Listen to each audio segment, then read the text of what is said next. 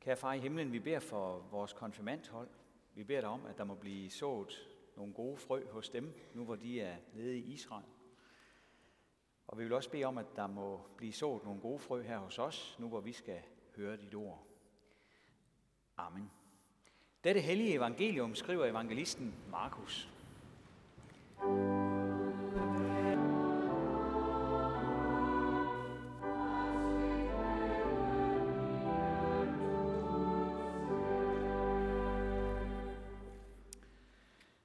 Jesus gav sig igen til at undervise nede ved søen, og en meget stor skare flokkedes om ham, så han måtte gå ombord og sætte sig i en båd ude på søen, mens hele skaren stod på bredden inde på land. Og han lærte dem meget i lignelser, og i sin undervisning sagde han til dem, Hør her, en sædemand gik ud for at så, og da han såede, faldt noget på vejen, og fuglene kom og åd det op. Noget faldt på klippegrund, hvor der ikke var ret meget jord, og det kom straks op, fordi der kun var et tyndt lag jord. Og da solen kom højt på himlen, blev det svedet, og det visnede, fordi det ikke havde rod.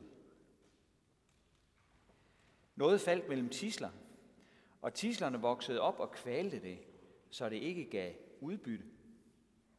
Men noget faldt i god jord og gav udbytte. Det voksede op og groede, og noget bare 30 og noget 60 og noget 100 folk. Og han sagde, den der har ører at høre med, skal høre. Da han var blevet alene med sine ledsagere og de tolv, spurgte de ham om lignelserne. Og han svarede dem, til jer er Guds riges hemmelighed givet, men til dem udenfor kommer alt i lignelser, for at de skal se og se, men intet forstå. De skal høre og høre, men intet fatte, for at de ikke skal vende om og få tilgivelse. Og han sagde til dem, forstår I ikke denne lignelse? Hvordan skal I så kunne forstå de andre lignelser? Sædemanden så ordet. Med dem på vejen, hvor ordet sås, er det sådan, at når de har hørt det, kommer Satan straks og tager det ord bort, der er sået i dem. De, der bliver sået på klippegrund, er dem, der straks tager imod ordet med glæde, når de har hørt det, men de har ikke rod i sig. De holder kun ud en tid, så når der kommer trængsler eller forfølgelse på grund af ordet, falder de straks fra. Andre er dem, der bliver sået mellem tislerne. Det er dem, som har hørt ordet. Men denne verdens bekymringer og rigdommens blændværk og lyst til alt muligt andet kommer til og kvæler ordet, så det ikke bærer frugt. Men de, der bliver sået i den gode jord, det er dem, der hører ordet og tager imod det og bærer frugt 30 og 60 og 100 folk. Amen.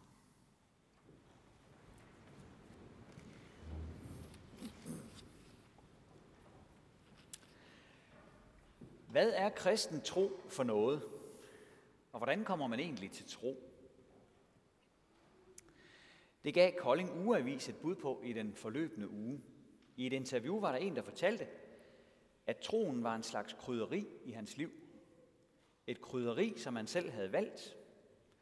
Troens krydderi spillede ikke nogen videre rolle i hans privatliv, men de gange han havde bedt en bøn, var han kommet længere ind i sig selv. Det er mit gæt, at det er en ret almindelig opfattelse af troen, som han der gav udtryk for. Og fair nok, at mange forskellige livssyn kommer til ord i medierne. Men når vi lytter til den lignelse, som Jesus fortæller i dagens tekst, så er det godt nok en noget anden skildring af den kristne tro, som vi får. Helt grundlæggende får vi at vide, at troen ikke er noget, som vi uden videre bare kan vælge – når et menneske er i stand til at tro, så er der nemlig gået noget andet forud. Initiativet kommer fra en anden, nemlig fra Gud. Gud har nemlig lavet sit ord lyde her i verden. Og hvor troen spiger frem, der er det fordi det ord er kommet ind i menneskers liv. Guds ord er levende og rummer et mægtigt potentiale i sig. Ligesom frø, der bliver sået. Der hvor det ord slår rod i hjerterne, der skaber det nyt liv fra bunden af. I sin opfølgning på historien, som Jesus giver disciplene, der forklarer han også, at troen er meget mere end et krydderi i tilværelsen. Der står meget mere på spil, når det gælder troen. Der hvor troen ikke spiger frem, siger han, der vender mennesker ikke om og får tilgivelse.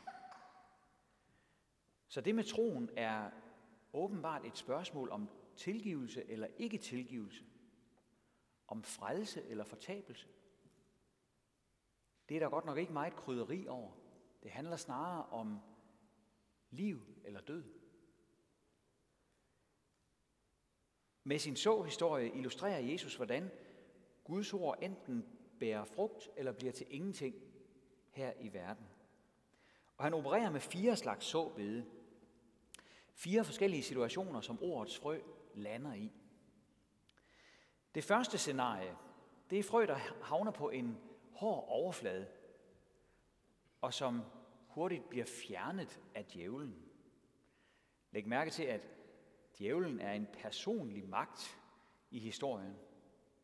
Sådan taler Jesus altid om djævlen. Djævlen er aldrig bare et princip eller sådan noget.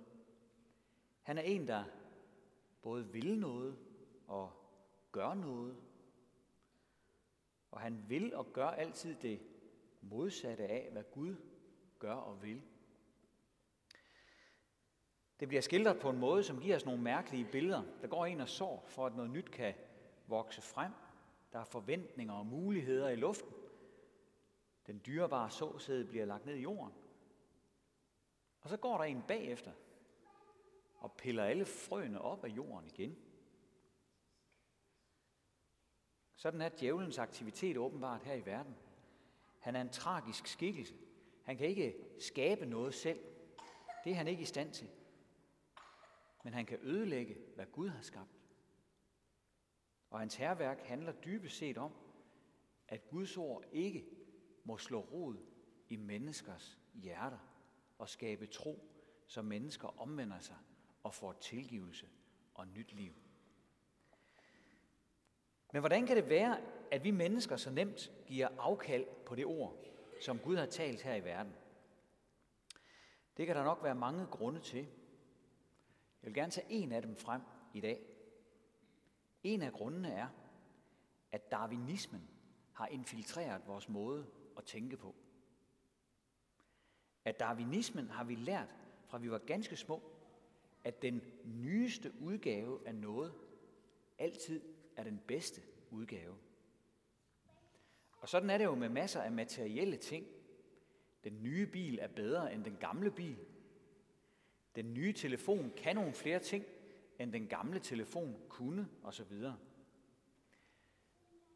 Men hvad med livssyn? Er det bedre at bygge på et moderne ateistisk livssyn, som det vi for eksempel ser i Nordkorea, eller at holde sig til et kristent værdigrundlag, som vi har kendt i tusind år? Det er vist ikke så svært for os at svare på. Der er nogle sandheder, der gælder til alle tider, uanset hvor gamle de er. Og så er der nogle løgne, der ikke bliver sandere af, at de er sprit nye. Men ud fra en darwinistisk tankegang, der kan Guds ord jo nemt blive kasseret som noget forældet noget. I den næste jordbund, som Jesus taler om, der får kornen lov at blive. Og det begynder egentlig godt. Vi hører om et tyndt lag jord. Sådan et bliver hurtigt lunt af solens stråler. Med lidt nedbør får frøene fat med det samme. Men kornet her visner desværre lige så hurtigt, som det var kommet i gang. Det kommer aldrig i dybden.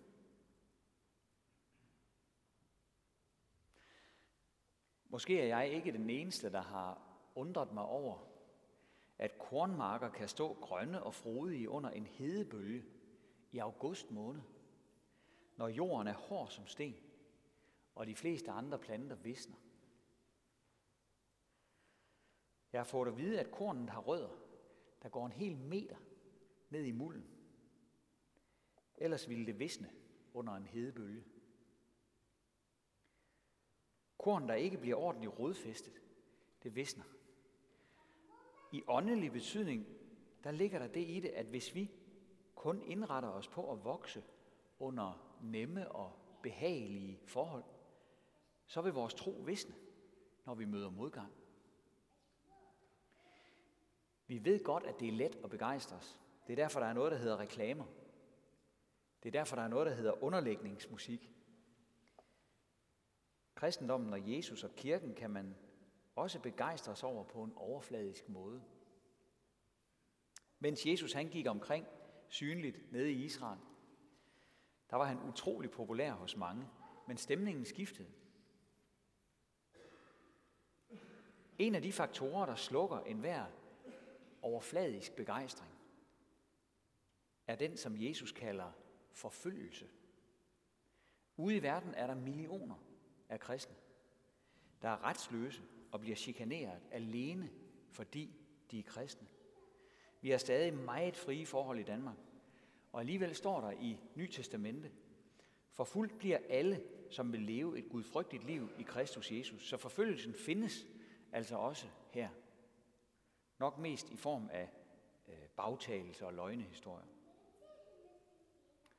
Og det er klart, at har man kun en overfladisk interesse i Jesus, så vil den fordufte, så snart det bliver ubehageligt.